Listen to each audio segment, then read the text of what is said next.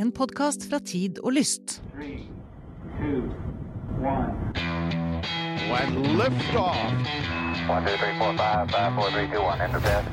Okay, we checked all four systems and they were go on modulation, all four, and team with a go.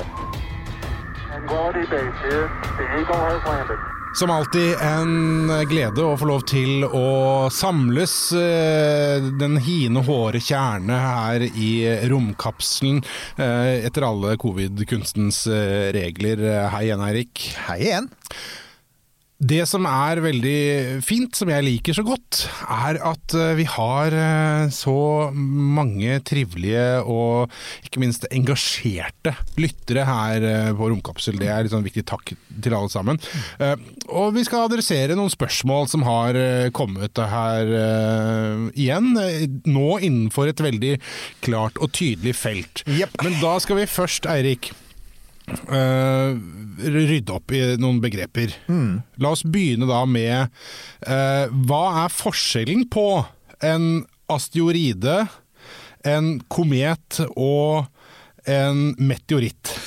Ja, dette er, Vi kan like å ta det, for at dagens tema er altså litt asteroider. Ja, asteroider, og, og, ting som, og ting vi har gjort på asteroider. Eh, du, altså eh, Forskjellen er rett og slett altså at en, eh, når det gjelder asteroide og meteoride, som det egentlig heter før det faller ned på jorda, for at ute i rommet så heter det meteoride. Det er størrelsen. Det man pleier å si er at Hvis det er under én meter i diameter, da regner man det som en meteoride, som blir til en meteoritt. Og er det over det, så er det en asteroide.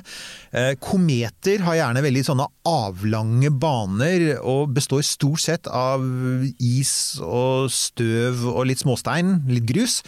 Eh, asteroider er stort sett ikke laget av is og småstein og grus, og holder seg for det meste mellom Mars og Jupiter, men der er overgangen litt glidende. Eh, og asteroider er dessuten De største asteroidene er faktisk ganske svære. Den største Ceres er jo altså Den er vel 950 km tvers over, hvilket en, en typisk komet er. Unnskyld? Hvor, 950 km, mener jeg å Å, huske. og, og det betyr at altså, en typisk komet er, aldri, er ikke større enn sånn type sånn 10-20 km. Så asteroider er så mye større enn kometer. Okay. Eh, asteroider er liksom helt i grense helt opp mot f.eks. små måner og, og til og med dvergplaneter. De største okay. er dvergplaneter. Så det er ikke helt sånn supertydelig, men, eh, men ja. men Oumuamua Ah, ja, Oumuamua eller Mea Mea eller hva den var. Den? Ja, nei, hva er den? Antagelig så har det, Eller, ja, ja, det Man har vel landet på at den er noe asteroideaktig. Men det hadde jo vært utrolig greit eh, en dag å bygge det store romskipet som kan ta den igjen og eh, få sett den på nært hold, da. Altså, artig, artig at du skulle si at man har landet på, i den sammenhengen der. Ja, ja. Pun intended. Yes, si pun intended. Men altså, det er jo da vår lytter Fabian. Han har et spørsmål. Ja. Hei, eh, har dere hørt om dette? Eh, ja, uten at jeg skal lese videre. Ja, det vil jeg tro. Eirik, ha, har vi det? ja, ok. Jeg datt datt over det, Ja. men bare fullfør. ja.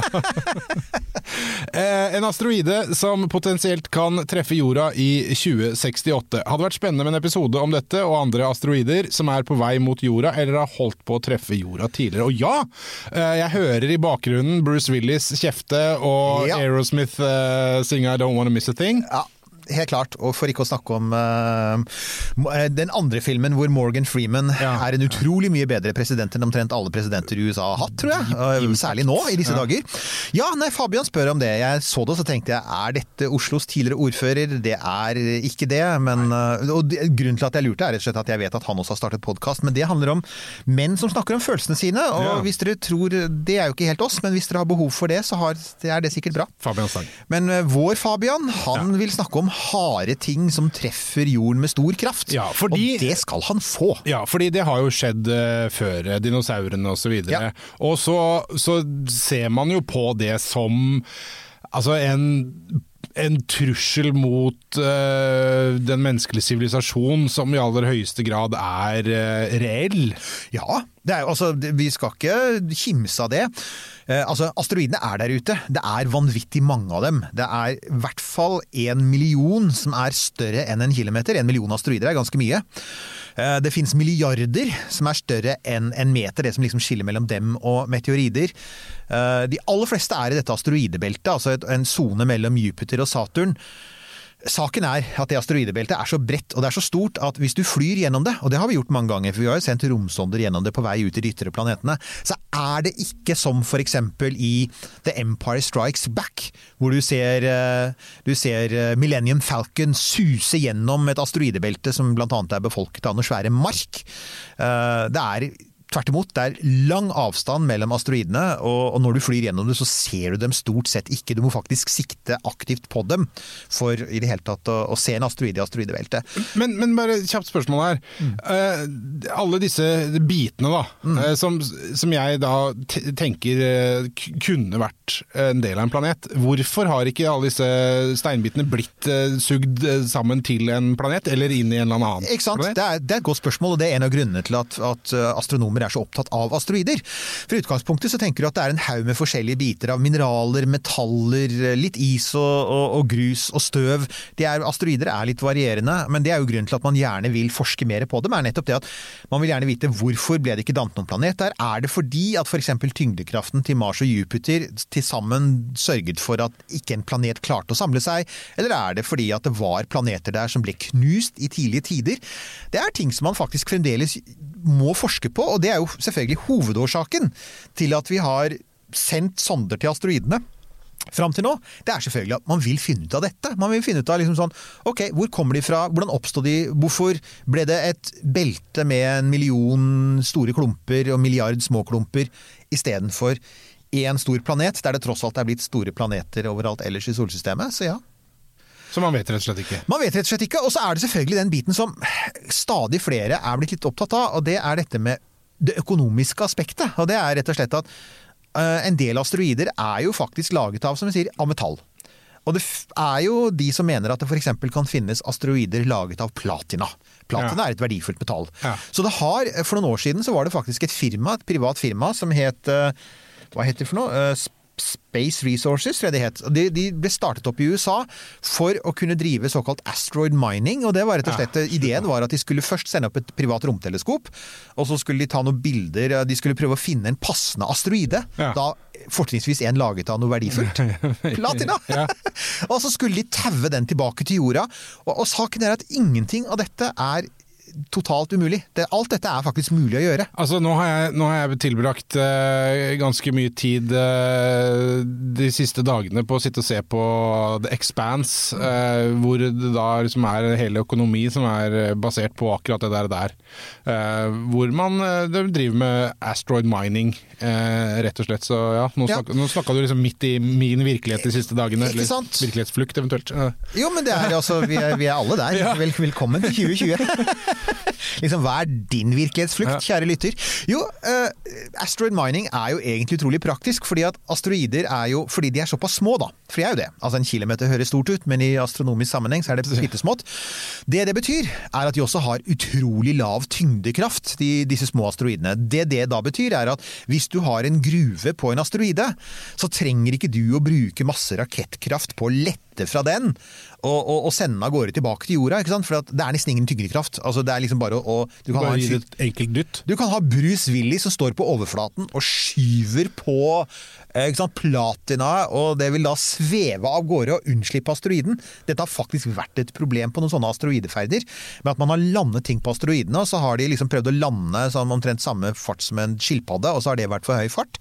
Og så har de fløyet av gårde igjen, liksom. Det er der vi er. Det er nesten ingen som sier ja.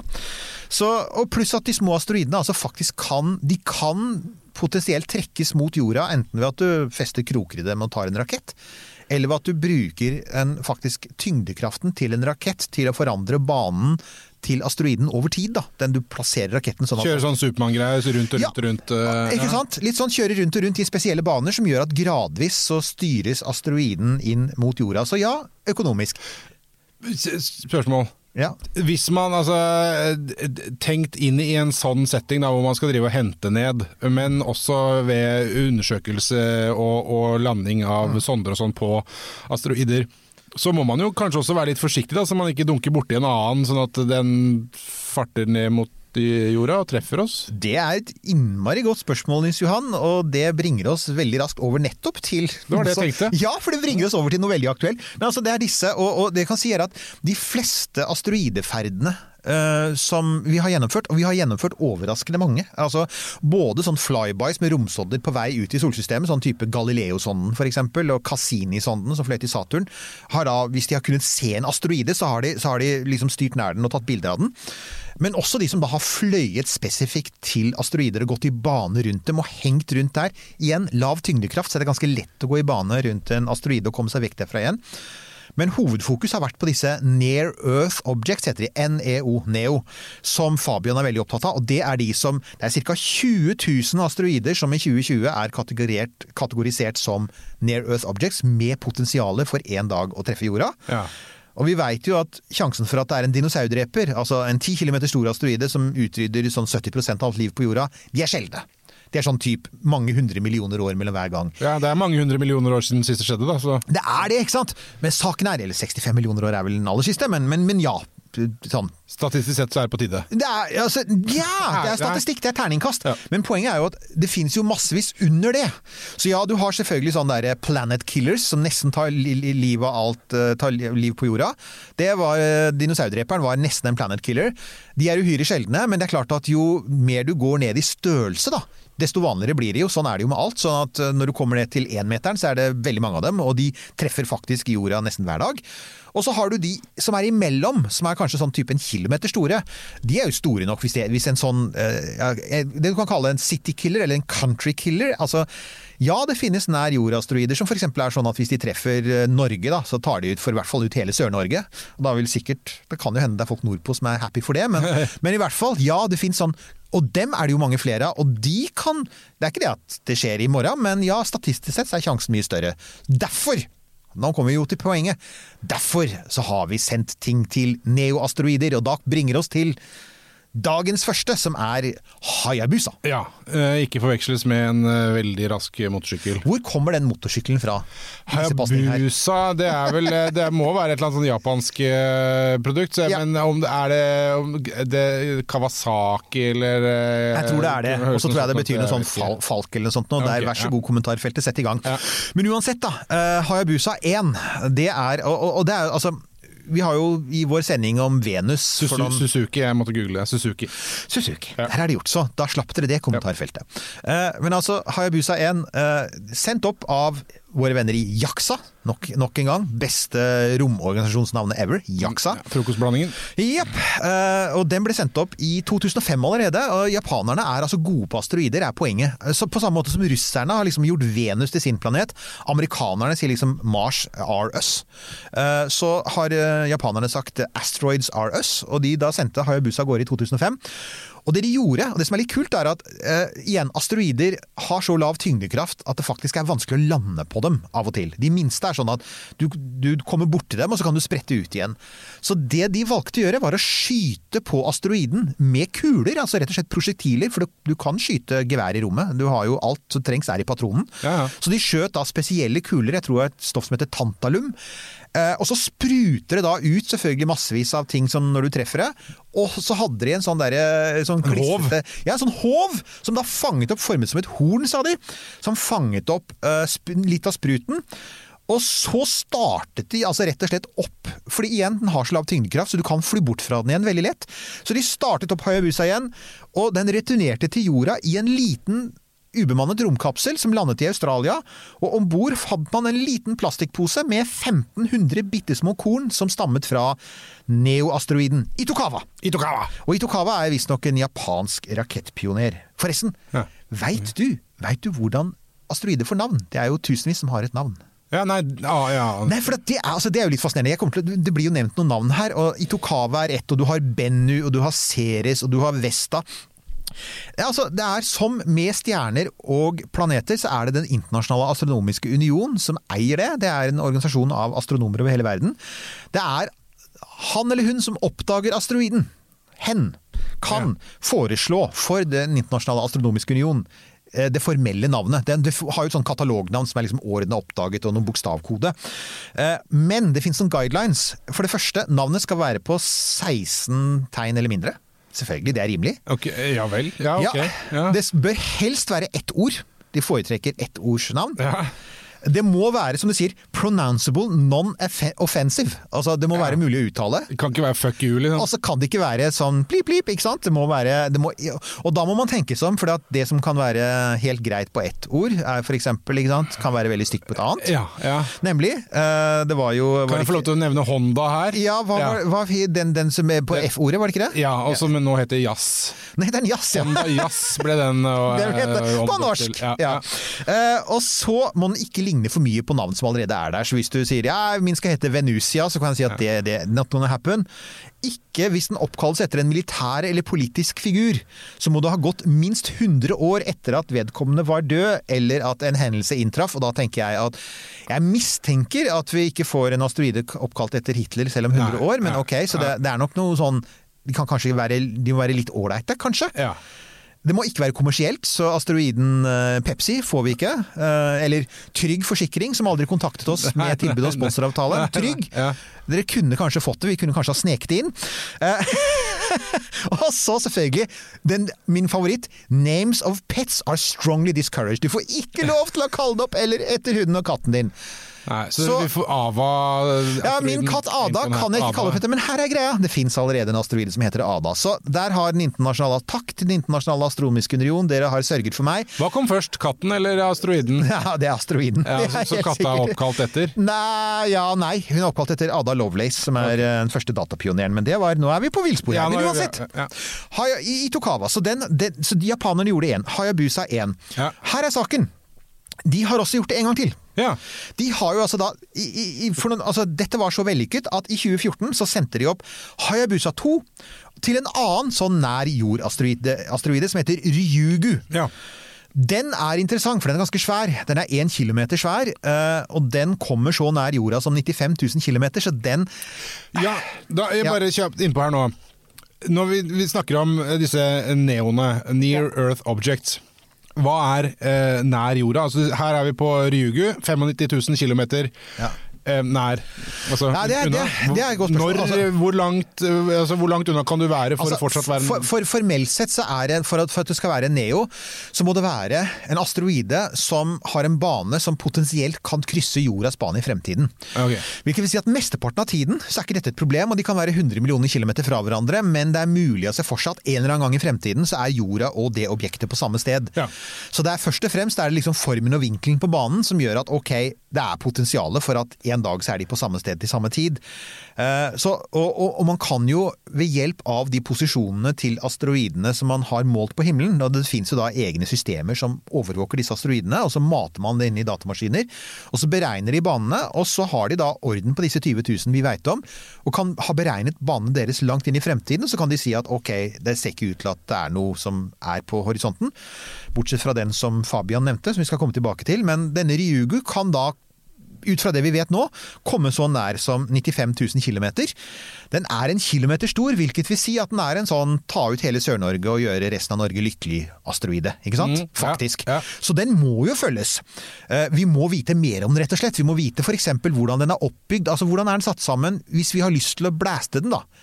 Ikke sant? Hva skal vi gjøre med den? Skal vi sende uh, masse oljearbeidere sammen med Bruce Willis Ja. og, og, og smelle den, eller er det noe smartere å gjøre? Ja, for det, dette her, Vi har vel snakka om det her tidligere, og det har også vært tema i eh, nevnte filmer. At det der, der å skyte noe rett mot dem som bare får de til å gå i knas, er jo i sånn i utgangspunktet kanskje ikke en god idé. Nei, for da vil man istedenfor ett stort, så vil man få mange små Ikke sant? eh, som ramler ned. Så det, du kan si De senere årene så har man faktisk begynt å gå bort fra denne her atombomben på overflaten-ideen. Eh, også fordi at atombomber er ganske vanskelig å kontrollere i rommet. Det igjen, Vi var inne på det i den samtalen, eh, vår første samtale med, med Sunniva Rose. Ja, ja. Om at det med å detonere en atombombe i rommet er faktisk vanskeligere enn folk tror. Fordi at du har ikke noe luft i rommet, så du har ikke noen sjokkbølge. Så du må treffe veldig godt, og du har egentlig ganske dårlig kontroll på hvor stor skade atombomben gjør. Og derfor så er det folk som sier at f.eks. så kan konvensjonelt sprengstoff være bedre. Ja. Eh, Eller at du f.eks. krasjer et objekt som jo i praksis, hvis du treffer med stor nok fart, blir det samme som sprengstoff. Altså en satellitt som treffer den med full kraft, blir det samme som dynamitt, eller mer effektivt. Så det de gjorde med Hayabusa 2, da, i 2018 så kom den fram til denne Ryugu. Begynte å gå i baner rundt Ryugu, begynte å sende ned sånne små hopperovere, altså sånne små sonder som hoppet rundt på overflaten fordi det er så lav tyngdekraft. Og så kom jo da det som er kult. De måtte jo ta med en prøve tilbake til jorda. Så de, ja, de skjøt noen prosjektiler, men det kuleste var når de tok fem kilo med sprengstoff og sprengte et ti meter dypt krater. Fra 500 meters avstand så skyter da sonden inn sprengstoffet, og så blaster den et krater. Og da avdekker den Da kommer den jo ganske dypt inn i, i asteroiden, så da kan du hente ferskt materiale. Da får du liksom sånn fra innsiden. Det er som å grave dypt ned. Så da gjorde de det samme. Da eh, skjøt de noen prosjektiler og hentet litt sånn sprut. Det lander faktisk i Australia, det materialet, 6.12.2020. Nå, Ah. Nemlig, så det er omtrent når dette går, eller kanskje litt før eller litt etter. Det får vi jo høre oss vi, hvor vi ender opp med, men ja. Det er nå. Og det det vil si da, er at da får vi antagelig langt flere prøvemateriale, bedre prøvemateriale enn vi gjorde med Hayabusa 1, for det er klart at de har jo uppa gamet litt, da. ja, definitivt. Så Du hoppa over en her. Eh, Ja, jeg gjorde det! Så har vi den, ja. Ja, Dawn, ja! Ja, det er jo Altså, NASA har jo Altså, japanerne har dominert, men NASA har jo, har jo sendt de òg. Dawn er litt kul, for den har, den har ikke landet. Den har fløyet forbi de to største asteroidene, Ceres og Vesta. Eh, og de er som småplaneter. Og Dawn ble skutt opp i 2007, og den har da fløyet fra Først så fløy den til Vesta, og så kretset den rundt der i et år, og så fløy den videre til Ceres ved hjelp av en sånn liten eh, Den har sånn jonerakett som er, som er veldig sånn brennstoffsnål, så den kan liksom starte og stoppe og brenne i mange år av gangen. Og det man oppdaget, da, det var jo at uh, man, man lærte mye om asteroiden av det. Man lærte litt om Uh, altså F.eks. at Ceres er en dvergplanet på linje med Pluto. Mye is og støv. Mens Vesta er mer mineralrik. Det er mer mineraler og metaller. Og det bare bekrefter for så vidt det man har visst, og det er at asteroider er veldig individuelt forskjellige. Fra noen som nærmest bare er svære, egentlig bare er bare store svevende hauger av is og støv i en sånn løs formasjon, til faktisk store metallklumper.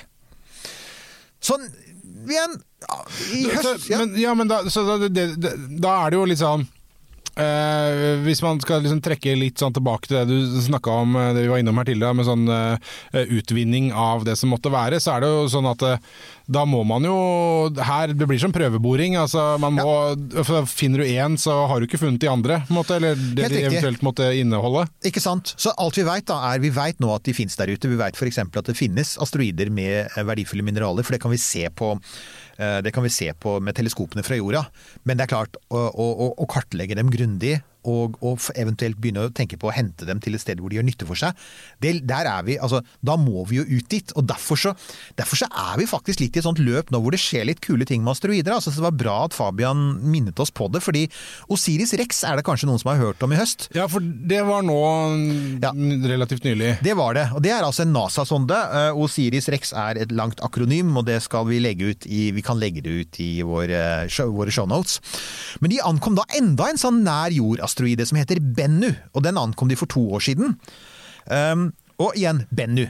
Bennu er altså en, en Bennu er 500 meter i diameter, så den er kanskje ikke en country killer, men den er definitivt en big city killer.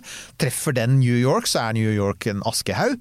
Um, beregninger som er gjort da tyder på at den har en viss sannsynlighet for å treffe jorda mellom 2169 og 2199. Ja. Eh, Det er en 0,071 sjanse. Ja. Og man kan si at ja, men det er jo ingenting. Ja, men hallo, folkens. Det er altså en citykiller, så det kan jo være lurt å følge med på den. Uh, og så, det, så Derfor så har man kommet til at den er det nyttig å vite noe om. Så NASA har sendt Osiris Rex dit. Den tok en prøve i høst. Og den, det la vi faktisk ut på Facebook-siden vår. En innmari kul video. Ja. For det, det de gjorde, mens japanerne har drevet og skutt på ting, de har skutt med dynamitt og med, med prosjektiler, så har Osiris Rex faktisk altså fløyet mot Bennu, og så har den hatt en sånn der grabbeboks. Og dyttet den ned i overflaten, og så har den lukket et lokk og trukket seg ut igjen. Og de, De fikk med seg så mye prøvemateriale at det lakk ut på sidene, men de har greid å få den på plass i romkapselen, så de regner med at de tror faktisk at de kommer tilbake med ganske mye. altså I hvert fall over en kilo med materiale, ikke bare støvpartikler. Den skal da lande i Utah 24.9.2023. Da kommer det en romkapsel full av asteroidestoff. Og da er sjansen stor for at vi lærer enda mye mer om asteroider. Og igjen, Ja, eller om denne asteroiden, da. eller Altså, om denne asteroiden. Så, nå kommer vi jo til det, så som sagt, det fortsetter jo. Så for eksempel, uh, i 2022 uh, så skal det sendes opp med Falcon Heavy, denne kjemperaketten til, uh, til vår venn Elon, eh, til en asteroide som heter Syke. Psyche. Psyche. Og da får vi si at det er ikke Nei, dette er ikke Pia og Syken, som lages faktisk i samme studio. som for øvrig kan anbefales en podkast. Dette her er asteroiden Syke. Psyche. Eh, og den er metall. Det vet man at den er, for det har man sett på avstand. Eh, Den er såpass rent metall at derfor er den interessant å besøke. Den, ligner ikke på noen annen asteroide man har besøkt. Det er ikke nær jordasteroide. Den flyr man langt unna til, og man kommer ikke til å lande på den. Blant annet fordi at det er mye vanskeligere å ta prøve av en metallasteroide. Åpenbart. Ja. Det man tror er at dette kan være restene av kjernen til en planet som ble strippet for de ytre lagene side i en kollisjon for milliarder av år siden. Ah, Ah, så det er sånn der klinkekule. Litt sånn. Så dette blir jo kjempekult å ta, fly rundt og ta bilder av, og se, sjekke kraterne på Og så kommer det, da. Eh, nettopp fordi den er metall, da begynner folk å gjøre beregninger. Altså Hvis det bare er en isklump, så har det null verdi. Altså Is og støv fins Ja. overalt i solsystemet. En diger metallklump Ja, Hva slags metall, det, det vet man da ikke. Hva Jo, det er mye. Det man sier at det er mye, det er mye jern og nikkel. Okay. Men altså, jern og nikkel er også verdifullt. Ja. Så noen har satt seg ned og regnet på det, da. Og ifølge CNN, den amerikanske TV-kanalen, så er metallene på Psyche er verdt 10 000 milliarder dollar, som er mer enn jordas samlede økonomiske omsetning. Jordas globale bruttoprodukt i 2020. Ok, Psyk, sier jeg da. ja. Ja, da begynner man jo plutselig eh, å snakke om noe som det kan være på en, grei sånn return of investment eh, på å hente ned, da. Expanse, ikke sant? Ja, ja, ja, da begynner du å tenke at vent litt, hvis, altså, som mange har påpekt da, altså, ja, men hvis du frakter en sånn, hvis du frakter denne til jorda, så kollapser jo prisen. Altså, ja. Rimeligvis. Ja. Så da er den ikke lenger verdt 10 000 milliarder dollar, da er den jo verdt mye mindre. Og det er for så vidt sant, men det man kan tenke på er jo selvfølgelig, ok, hvilken økonomisk verdi vil en så stor klump av ganske rent metall ha i en fremtid hvor vi kanskje er ute i solsystemet, og hvor vi ikke lenger, det er ikke lenger for eksempel er, vi, vi syns ikke det er særlig miljøvennlig å frakte jern opp fra jorda. Det høres jo ikke særlig miljøvennlig ut å bruke svære rakettmotorer til det, og dessuten er det risikabelt når det svever en gigantisk jernklump der ute. Og da Du kan man hente den der og prosessere den der oppe også. ikke sant, Ja. nemlig. Og, og fins den, så fins det jo garantert mindre metallklumper som ikke er verdt 10 000 milliarder dollar, men som kanskje er verdt sånn 100 milliarder dollar, og som er mer enn nok til å f.eks. bygge en gigantisk romstasjon rundt månen, eller en base på Mars, eller ikke sant. Altså, ja, ja, ja. Så, så ja, jeg, jeg sier at den, den det, det, har, det har faktisk en verdi. Ja. Men tilbake til Fabian. ja, tilbake til Fabian. Han nevner, jo en, han, han nevner jo en helt konkret asteroide, og den heter altså Apophis. Ja. Uh, og uh, det er ph i navnet, så det er ikke uanstendig. Altså på norsk, for det, hør, det hørtes i utgangspunktet tenkte jeg Apophis er jo helt feil. Apophis. Men Apophis, apofis antagelig. Apophis. Uh, jeg har jo ikke sjekket, eh, og dette høres, det høres veldig egyptisk Ja, det. ut. Ja. Den har man visst om en god stund. Den er ca. 370 meter bred. Eh, hvis den traff jorda, så ville den utløse en energi tilsvarende 1200 av de litt sånn fete hydrogenbombene. Ja, det Eh, vil man jo helst unngå. Ja, det er ikke det samme som dinosaurdreperen, som tilsvarte 100 millioner hydrogenbomber. 1200 og 100 millioner er litt sånn forskjellig, men likevel, vi vil ikke bli truffet av den. Og altså, som han er inne på, Fabian, den har en bane som gir en bitte liten mulighet for kollisjon i 2068. Og Det er derfor vi kommer til de to siste sondene som vi må nevne i dag, for de handler om nettopp dette. Og det var det jeg syntes var så kult. Dette var sånn som jeg faktisk oppdaget. Jeg, jeg har jo hørt litt rykter om det, men det var takket være spørsmålet til Fabian at jeg satte meg ned og gjorde researchen og da oppdaget at dette er jo kjempekult. Eh, For ja, eh, dette er, vi kan kalle den sånn, den heter, sonden, NASA-sonden heter DART, men den burde jo hett Brus. For dette her er virkelig for det. Ja, men du må huske på det at eh, Ja ja, ok. Ja. Fordi Altså, det NASA da, som vi var inne på, NASA har gått litt bort fra tanken om å bruke atomvåpen. Det de skal teste ut her, og de skal altså teste det ut helt konkret, det er å smashe noe tungt inn i en asteroide i veldig stor fart. Eh, For å se om man kan lage en eksplosjon på overflaten som påvirker altså farten og retningen, altså rett og slett påvirker banen til asteroiden. Ja. Så sommeren neste år, altså rett og slett, sommeren 2021, da skal det skytes opp en øh, Denne skal, skal skytes opp til en, er faktisk en dobbeltasteroide. Noen asteroider går i bane rundt hverandre. Dette er en asteroide som heter Didymos. Høres veldig gresk ut. Uh, den skal krasje med en av disse asteroidene i dobbeltasteroiden. Og det er altså en 500 kilo tung romsonde som skal treffe asteroiden i 20 000 km i timen. Hvilket vil si at i praksis blir det som å sprenge dynamitt på overflaten. Kommer til å lage et digert krater på overflaten.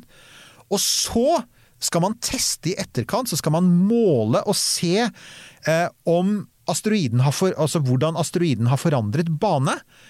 Og på den måten så får man det første målet på såkalt planetary defense, på om det å krasje et konkret objekt i overflaten på en asteroide er en effektiv måte å gjøre det på. For det er, jo ikke, det er jo ikke veldig stor korrigering av en bane man trenger for å unngå det, så det er ikke mye som skal til. Ikke sant? Og her er jo et poeng som, eh, som, eh, som Og det er jo en ting, Altså begge disse filmene som eh, involverer dette, Deep Impact og Armageddon, begge disse filmene gjør én sånn stor teknisk feil, og det er at de liksom legger eksplosjonen sin ganske seint.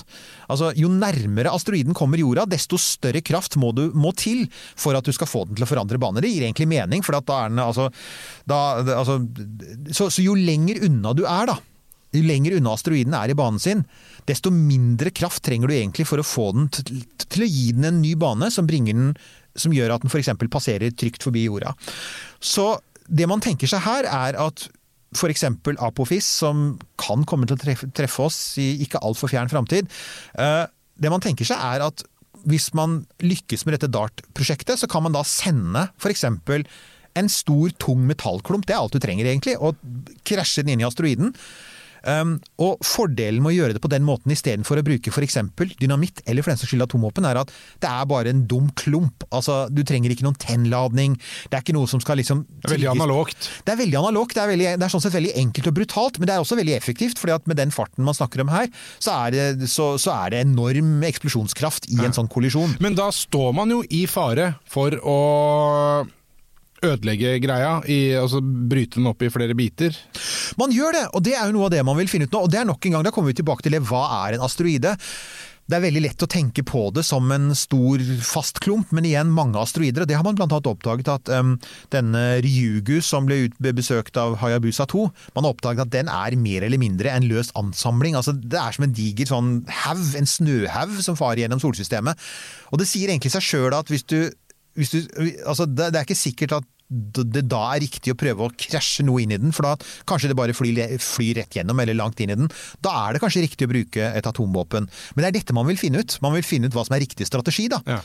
Og så finnes det jo, som vi var inne på i stad, så finnes det jo denne her strategien med å faktisk bruke tyngdekraften til en litt tung satellitt, og ha en satellitt i bane rundt en asteroide, og så bruke den tyngdekraften til å påvirke banen til asteroiden når den er langt unna jorda, og hvor selv en liten påvirkning får ganske stor effekt når den er nær jorda.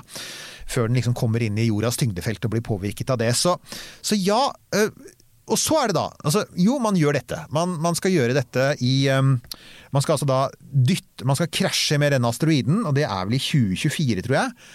Uh, så må man jo finne ut har det skjedd noe. Og det skal man, da, Her kommer da våre venner i ESA inn. De skal sende opp en, en uh, asteroideferd som heter Hera. Og Hera er vel faktisk uh, kona til eh, Zefs. Det er, i, eh, ja, det er det i eh, gresk mytologi. Ja. Uh, Herasonden skal fly forbi Didymos i 2026, og skal da sjekke hvordan eh, banen til denne Didymos-asteroiden ble påvirket av DART-kollisjonen i 2024. Ja, nettopp. Kan man ikke bare måle dette her med Det kan man også, Ja. men man får jo selvfølgelig altså En av de tingene man vil se, er f.eks. hvordan ser krateret ut? Ikke sant? ja. Hvordan ble den påvirket? Så i tillegg så man, man vil jo se det på banen. Man vil ha eh, data da, men man vil få enda bedre data når man har en nærpassering av en romsonde som kan ta nærbilder. Og som dessuten også kan måle liksom, tyngdekraften til, eh, til asteroiden, og da på nært hold, og vite liksom, nøyaktig hvor mye materie den mistet, f.eks. Så ja. Så poenget er selvfølgelig dette at dette er jo på langt nær det eneste som skjer på asteroidefronten. Det skjer mye annet. Eh, dette er et, nok et sånt felt av romfarten som hver gang man bare titter på, sier Oh shit, her skjer det mye, ikke sant? Ja. Så Men, men, men, men bare, eh, Ja. bare, bare litt tilbake da er vi gjennom folkeopplysningen Ja, er gjennom- bare å tenke, eh, Nils Johan. Bare spekulasjoner her. For du, du, denne utregningen av den verdien, hva var det, 10 000 milliarder eh, dollar Ja. på denne Psych. Ja. Psych. Eh, og så nevnte du eh, eh, Resources-firmaet her som Ja, hadde ja, Planetary Resources. Planetary Resources. Planetary Resources. Altså, er, det, er, er, dette her er det et seriøst eh, felt? Er det noen som eh, på alvor på en måte ser på de mulighetene eh, og har noen form for, i en eller annen versjon, no, noen konkrete ideer og planer om, om å gjøre det og gjennomføre dette her? Altså, du Og hente ut mineraler og, og sånt? Altså, det selskapet som jeg nevner, og de viser seg det er noe dobbeltsjekket, sjekket jeg, ganske riktig, de heter Planetary Resources. Ja, dette selskapet, det fins fremdeles, det er nå kjøpt opp, det er der ute. Eh, For øyeblikket virker ikke forretningsplanen deres særlig realistisk, men det er jo det alle går og venter på. er selvfølgelig Får vi en sånn game changer på rakettfeltet? altså Får vi denne billigraketten til Musk, altså Ja, ja. Starship? Hvis det lykkes, da, og andre følger etter, kineserne bygger sin billigrakett, og vi får plutselig at å løfte 150 tonn opp i lav jordbane koster plutselig ikke så mye lenger. Målet er jo å løfte opp eh, like mye som Saturn 5 gjorde, eh, og hver Saturn 5-oppskyting kostet 4 milliarder dollar, alt i alt. Eh, Men man skal gjøre det for 5 millioner dollar, altså 1000 ganger billigere ikke sant, enn Saturn 5. Hvis Elon Musk og SpaceX lykkes med det, så blir det jo plutselig da blir det plutselig mulig for et firma som Planetary Resources å ikke bare sende opp et digert romteleskop som kan lete etter asteroider, men det, da kan de jo sende opp en virkelig stor romsonde. En fet romsonde med svære klør som kan dra med seg bit. Altså, da kan du gjøre det til en helt annen kostnad. Ja. Så jeg tror for øyeblikket så er det ikke Det er ikke noe sånn rent det er ikke noe teknisk umulig ved dette. Det er bare at det, det gir ingen økonomisk mening, Nei, nei. fordi at romfart er så innmari dyrt.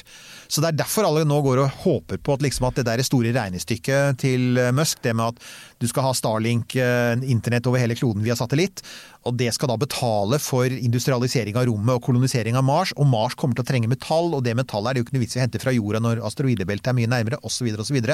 Da får du faktisk den expanse-økonomien som ja, du ja. The Belters. The Belters. Og, og, og det, det rare det, Dette er jo Jeg husker nå når du sier det, så husker jeg Det ble faktisk Tilbake på 1970-tallet så ble det laget en økonomisk studie av dette her. Altså Helt seriøst satte folk seg ned og sa er dette i det hele tatt tenkelig? At du har asteroidebeltet som eh, et, et, i praksis eh, Pennsylvania, gruveområdet i, eh, hvor du utvinner metall og andre viktige mineraler.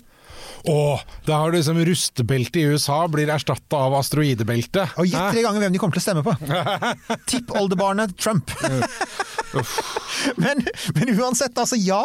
eh, Det er, dette, er et veldig, dette er et sånn veldig godt eksempel på en sånn ting som Inntil for sånn fem-ti år siden så ville folk bare sagt, og det sa de da jeg husker det da Planetary Resources kom, så var det bare sånn ah, Hallo, liksom. Hva er dette? Så har vi fått alle disse asteroidesondene. Nå begynner vi å hente tilbake prøver til jorda, og det, skjer stadig mer. Og vi har dette her push i retning av billigere rakettoppskytinger. Og da er vi der at jeg tenker at, eh, at ja, om ti år så kan dette se veldig annerledes ut. At nå er vi, sånn, sånn, vi er sånn, litt sånn spennende vippepunkt. Det er, ikke, det er ennå ikke sikkert. Det er ikke sikkert at de lykkes med Starship og sånn. Og gjør de ikke det, så fortsetter det å være science fiction. Hvis de lykkes, så tenker jeg at om ti år at vi sitter her og sier jo jo, men nå finnes det jo et selskap som Planetary Resources, det finnes nye selskap som sier dette gjør vi helt seriøst, og nå sender vi av gårde en robot til å Psych! Ja? For å, ta en, for å hente med noe asteroidejern. Der fikk du den, Fabian. Altså, da kan du se hvordan det ene fører til det andre her i, i Romkapsel.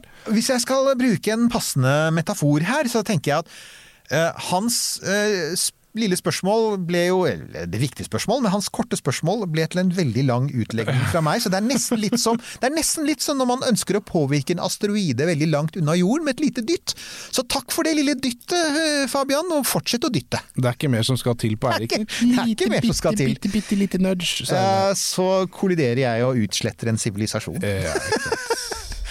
Men som vanlig, jeg tenker, her er det massevis av eh, kule lenker som jeg legger ut i shownotene våre. Det er, og folkens, for en gangs skyld, jeg vet ikke hvor mange av dere som går inn, for jeg har ikke sjekket statistikken på en stund. Det er ikke alltid det er verdt å gjøre det, men på denne gangen, gjør det. fordi det er disse prosjektene. Eh, NASA har laget noen utrolig kule oversiktssider over særlig, altså igjen dette DART-prosjektet. Altså, vi, skal blaste en asteroide for å redde oss fra den neste katastrofen. Det er viktig å huske på at det også er sånne prosjekter på gang. Eh, Ja. Når man tenker på alle sånne veldig sånne sobre og nyttige bruk av småsatellitter og sånne Ikke sant? Altså, og det er helt sant. Og det, det, altså, ja, satellitter og navigasjon og alt dette er utrolig bra, og det er viktig, og vi har jo dekket det, og vi skal fortsette å dekke det. Men det jeg tenker da, og det har folk sagt om, om det som heter planetary defense, om, om at vi, vi kommer nok tilbake til det, for at det er et så stort tema. Det er sånn Torino-skalaen og fareskalaer og, og, og konsekvenser og alt dette her. Saken er at hvis vi bare klarer å styre unna én asteroide ved hjelp av den kunnskapen vi har nå, så har jo alt vi noensinne har putta i rommet, har jo betalt seg 100 millioner ganger over. ikke sant? Altså, så dette er sånn, igjen en sånn asymmetri. Det er sånn, Romfart er en sånn egentlig, Folk sier romfart er dyrt, det er jo ikke egentlig det, men folk sier ja, det er milliarder av dollar. Jo, men de milliardene av dollar kan spare oss for trillioner av dollar som eventuelt går tapt om sivilisasjonen vår går under. Ja, og da er, Så- Det var en litt sånn merkelig økonomisk sammenligning. Den, den, den kan egentlig spare oss Alle de milliardene som er putta inn i romfarten, kan egentlig spare oss for total utslettelse. Ja, Punktum. For eksempel! Det, Ja. det, sånn kan man også se det, hvis Ja. man er litt mer humanistisk anlagt, som ikke jeg er.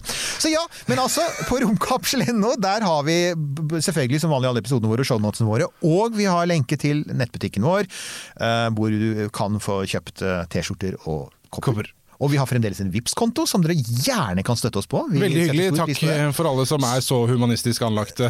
De av dere som er humanistisk anlagte, alle dere som er iskalde som meg, får eh, beholde pengene deres. altså, og da blir det jul i stova for eh, hvis eh, humanistene vinner. Mm. Og så har vi Facebook-gruppa vår hvor Fabian tok kontakt. Vi har e-post selvfølgelig. Vi har Instagram, Instagram, ja. Twitter. Vi er overalt. Som verdensrommet selv. Denne Podkasten er produsert av Tid og Lyst.